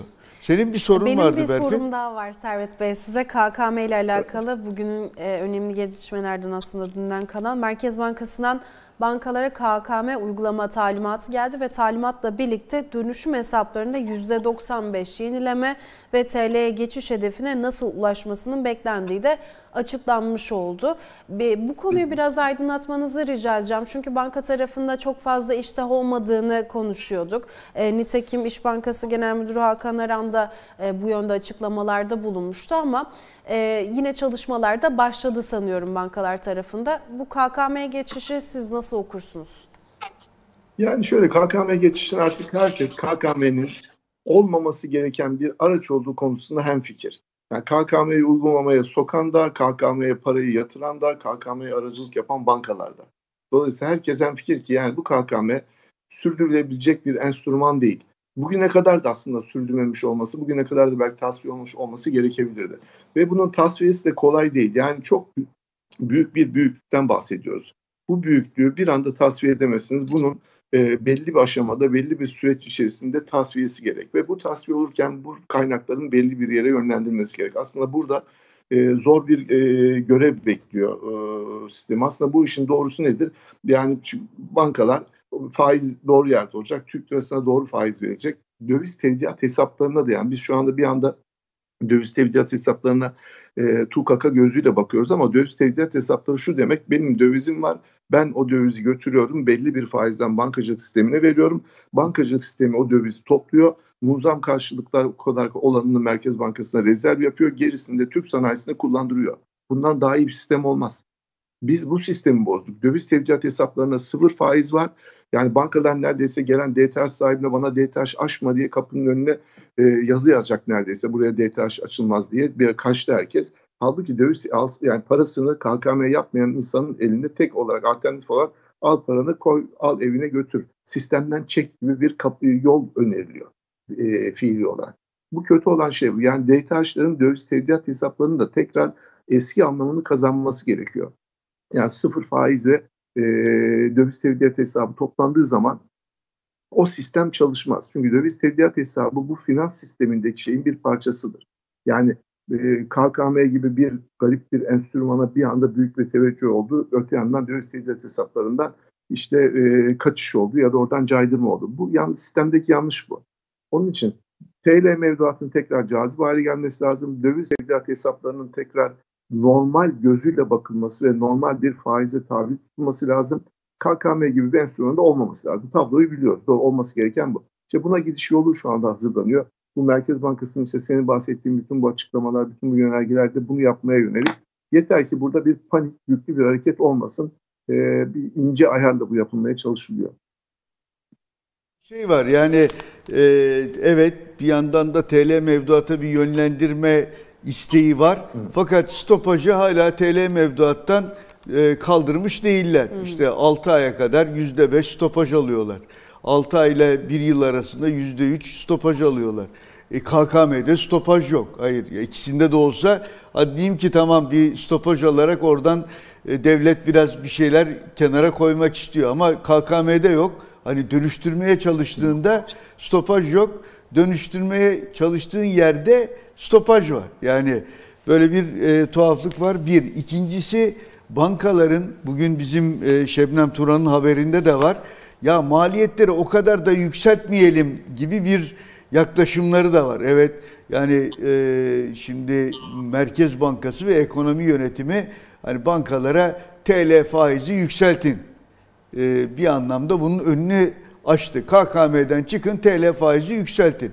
Ama göründüğü kadarıyla Berfi'nin de biraz önce söylediği hani bankalarda o kadar iştah var mı bu konuda? Yani tabii ki işlemleri yapma konusunda iştah da vardır ama TL faizleri o kadar yükseltme noktasında çok iştah yok gibi. Burada nasıl bir yer beklersin? En son şimdi 42'ler görüldü diye düşünülüyor. Enflasyonun düzeyi belli. Kredi faizlerinin son e, referans faiz üzerinden yapılan hesaba göre e, geleceği maksimum düzey 56-25 %56-25 olarak belirlenmiş oldu. Böyle, bu durumda mevduat faizleri nasıl bir yerlerde dengelenir? Yani bu 40-42'ler çok yaygın değil gördüğüm kadarıyla. Bazı bankalar belki çok büyük mevduatlara veriyor olabilirler. Normal vatandaş olarak daha düşük mevduatlarla işte rastgele bankaya gidin.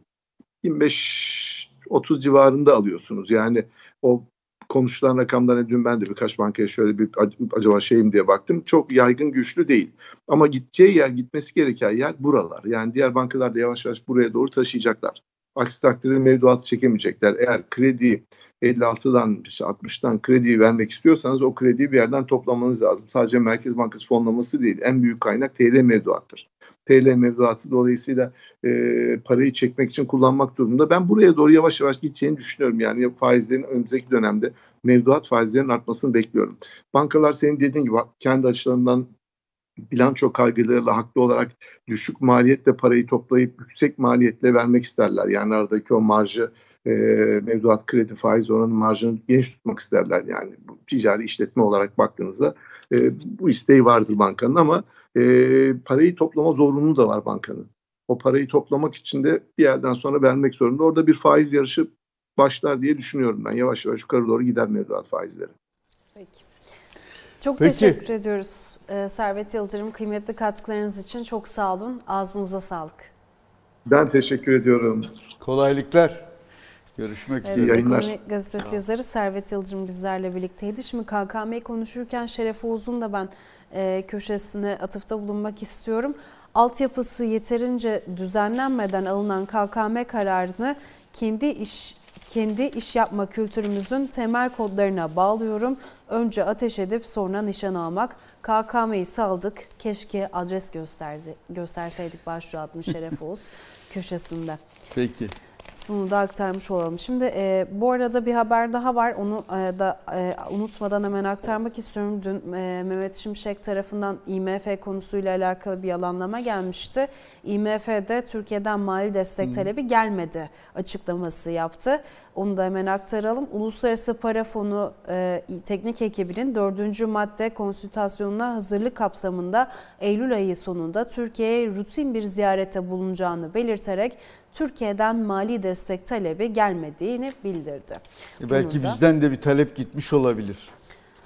Yani o yönde bir yani siz de bu açıklamayı yapın. Böyle bir şey olabilir. olmadı netleşsin. Evet e, talebi de evet, gelmiş olabilir. Olabilir. Onu da aktarmış olalım. Şimdi İsmet Özkul'un köşe yazısıyla ben e, devam etmek istiyorum. Siz iklimde birazcık değindiniz ama e, detaylandıralım da istiyorum. Merkez Bankası mı şaşırtıyor yoksa biz mi şaşırıyoruz başlığını e, atmış hı hı. E, İsmet Özkul. Bugün piyasa oyuncularının bu kadar çok sürprizle karşılaşmış olmasının nedeni ekonominin çetrefilli halinin yol açtığı ani kararlar bir yana Merkez Bankası'nın bir sürprizler politikası tercihi yapmış olması değil. Temel nedenlerden birisi piyasada Merkez Bankası yönetiminden beklentilerin merkez bankacılığıyla bağdaşmayacak ölçüde aşağı çekilmiş olması. Beklentiler bu kadar aşağı çekilince de yapılanların çoğu hmm. sürpriz haline geliyor diyor. Ekonomi yönetiminin birinci ve acil önceliği enflasyon değil ödemeler dengesi krizi ihtimali. Bunun için acilen ve yüklü miktarda yabancı kaynak bulmak zorunlu. Kararları da bu şekillendiriyor dedi. Evet yani e, sonuçta e, Körfez turu da çok derde dava olmadı. Evet.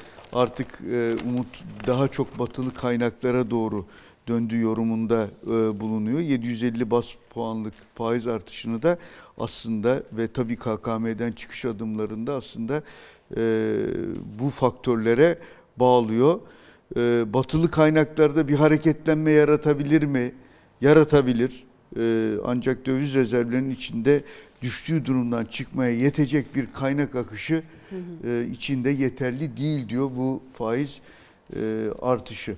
Evet e, hakikaten durumu özetleyen bir yazı olmuş İsmet Özkul tarafından. Şimdi bu arada e, borsa yorumu isteyen e, şeyler de var, izleyicilerimiz de var. Birazdan Vahap Taş'tan bizlerle birlikte olacak. Evet. E, lütfen ayrılmayın, kendisiyle yine konuşuruz. Aslında Şimdi, yavaş yavaş erken erken de bağlansak çünkü borsa ile ilgili beklentiler evet. beklentiler e, çok Arı, sorular da evet, çok, çok fazla.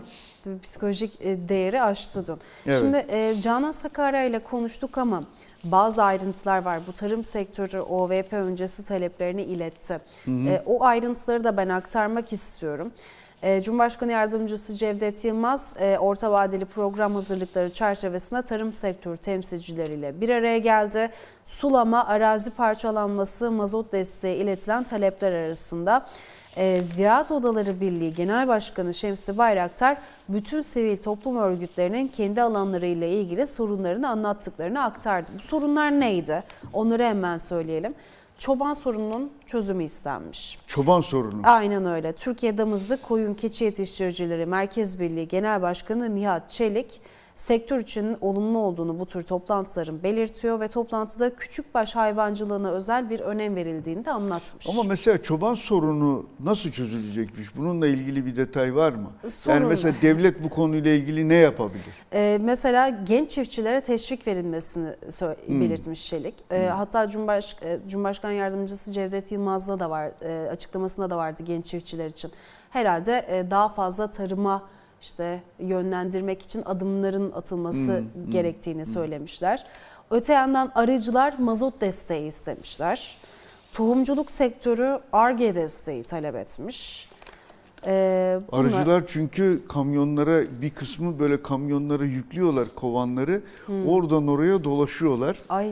Ee, oralarda e, arı yani bal toplamasını arıların sağlamaya çalışıyorlar. Onun için mazot desteği Önemli. istemiş olabilirler evet. ama biraz da çevreyi koruyan e, kamyonlarla ve motorlarla hareket etseler iyi olabilir. Çünkü evet, bazen doğru. ben onlara rastlıyorum. İyice de yüklenmiş oluyor.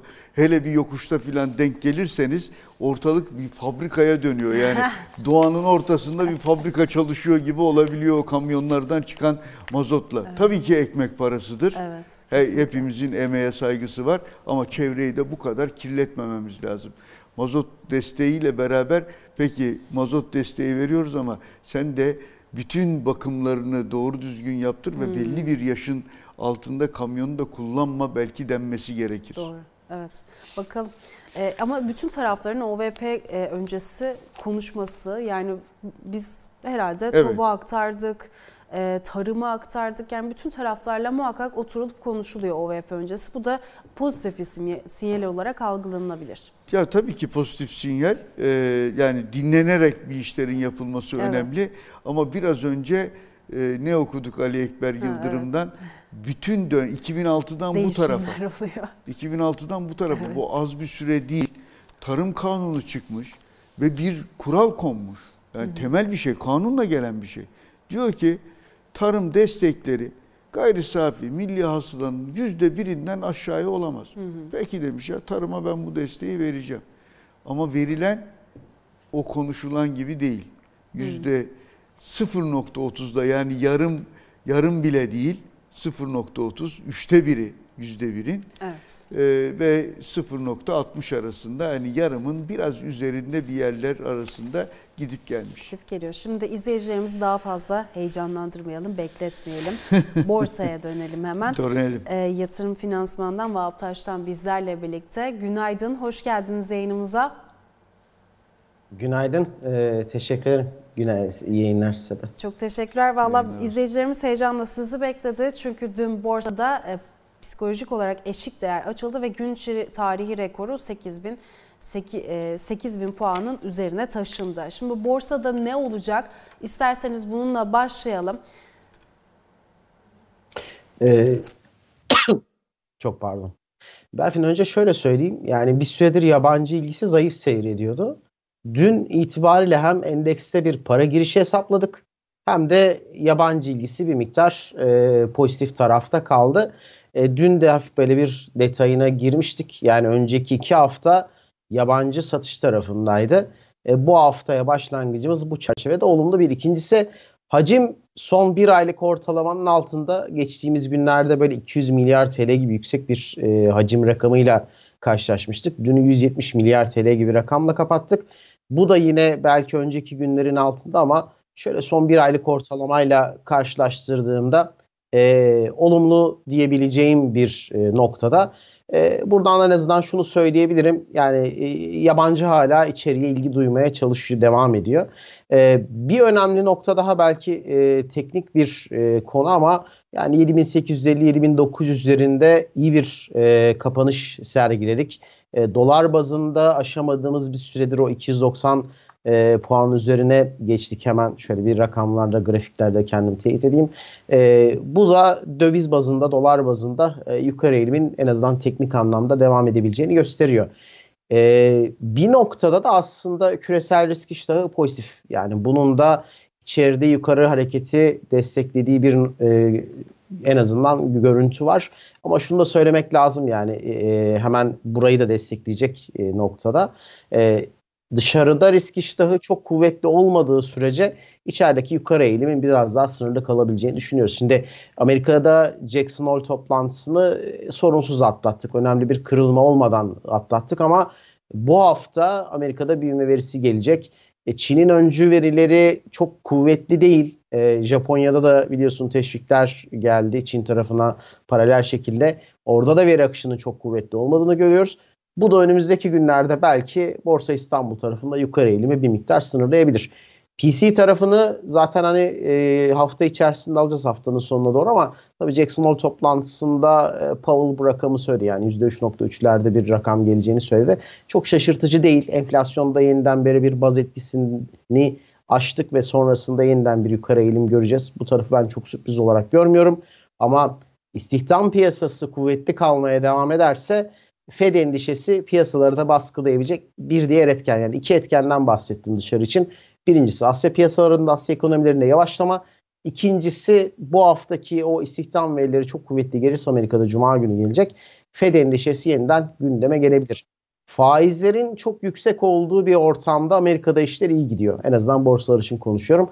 Bu bizi muhtemelen bir süre 7900, 7850, 7900 endeks bazında söylüyorum Borsa İstanbul tarafından tutmaya yetecektir. Yabancı ilgisini de bu çerçevede e, pozitif olarak görmeye e, devam edeceğiz diye düşünüyorum.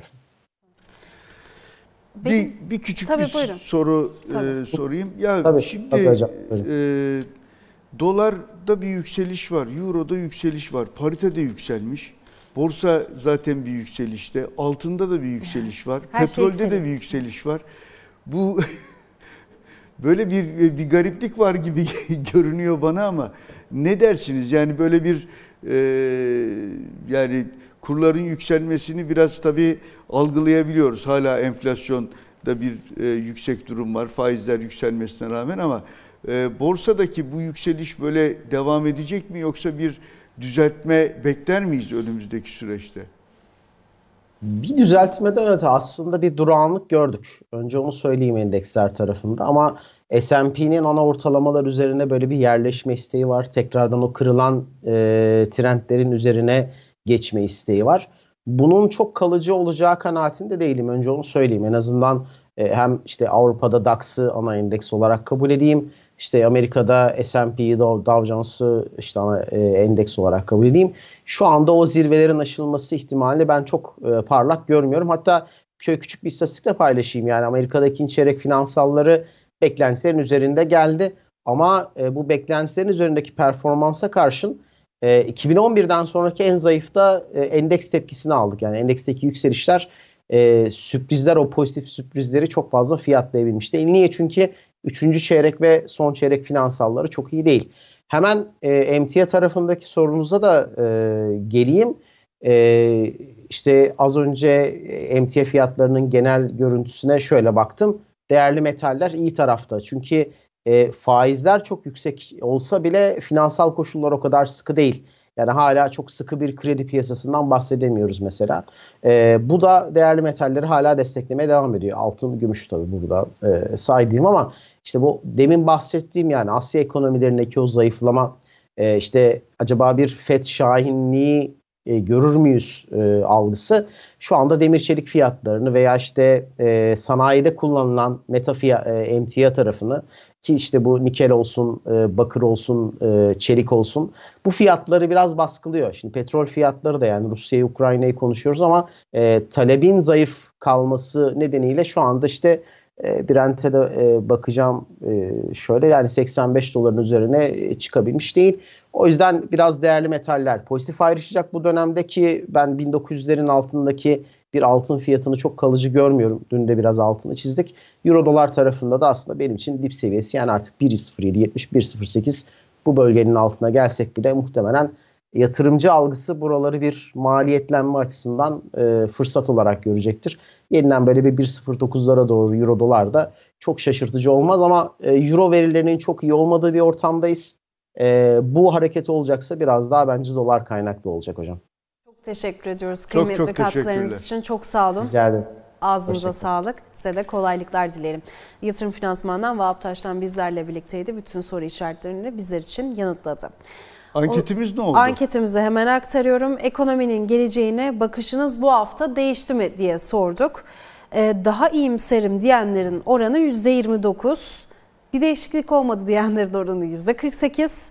Daha kötümserim diyenlerin oranı %23 olmuş. Evet. Gene de bir hafif bir, bir pozitif iyi, pozitifliğe doğru hafif bir Aynen şey var. Öyle. İyi umarız e, devam eder, artarak Aynen devam eder. Yarın biz Yokuz. Yokuz. 30 Ağustos Zafer 30 Bayramı Zafer Bayramı sebebiyle buradan da başlı, Çok önemli bir Kesinlikle. aslında değil mi tarihtir evet. 30 Ağustos. 26'sını 27'sine e, bağlayan gece Afyon'dan başlayan evet. o büyük taarruz bizzat Zaferle Mustafa sonuçta. Kemal Paşa'nın e, idare ettiği Dumlupınar Meydan Savaşı'nda evet. düşman birliklerinin imhasıyla sonuçlandı. Evet. Kalanlar da ülkeyi Anadolu topraklarını hızla terk etmeye başladılar. 9 Eylül'de de zaten biliyorsun İzmir'in kurtuluşuyla evet. sonra da Cumhuriyet geliyor. O anlamda çok çok, çok önemli. Bütün Türkiye'nin kaderinin bir anlamda değiştiği, dönüştüğü bir tarihtir. Evet. 30 Ağustos bütün herkese, bütün izleyenlerimize e, kutlu olsun. 30 evet. Ağustos Sefer Bayramımız. Ben de başta e, Ulu Önder, Mustafa Kemal Atatürk ve silah arkadaşları olmak üzere hepsini rahmetle, saygıyla, özlemle, minnetle anıyoruz ve aslında kapatırken yine Mustafa Kemal Atatürk'ün bir sözüyle kapatmak istiyorum. Zafer, zafer benimdir e, diyenlerindir. Başarıysa başaracağım diye başlayarak sonunda başardım diyenlerindir.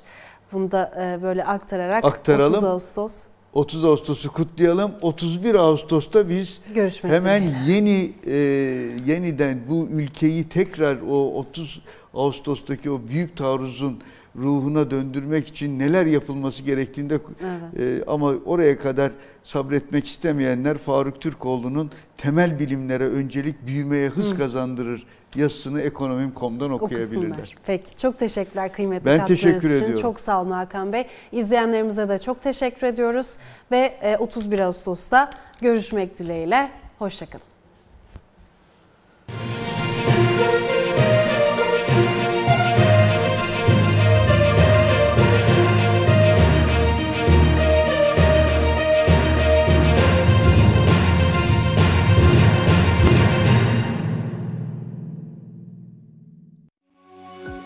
Yatırım Finansman Ekonomi Masasını sundu.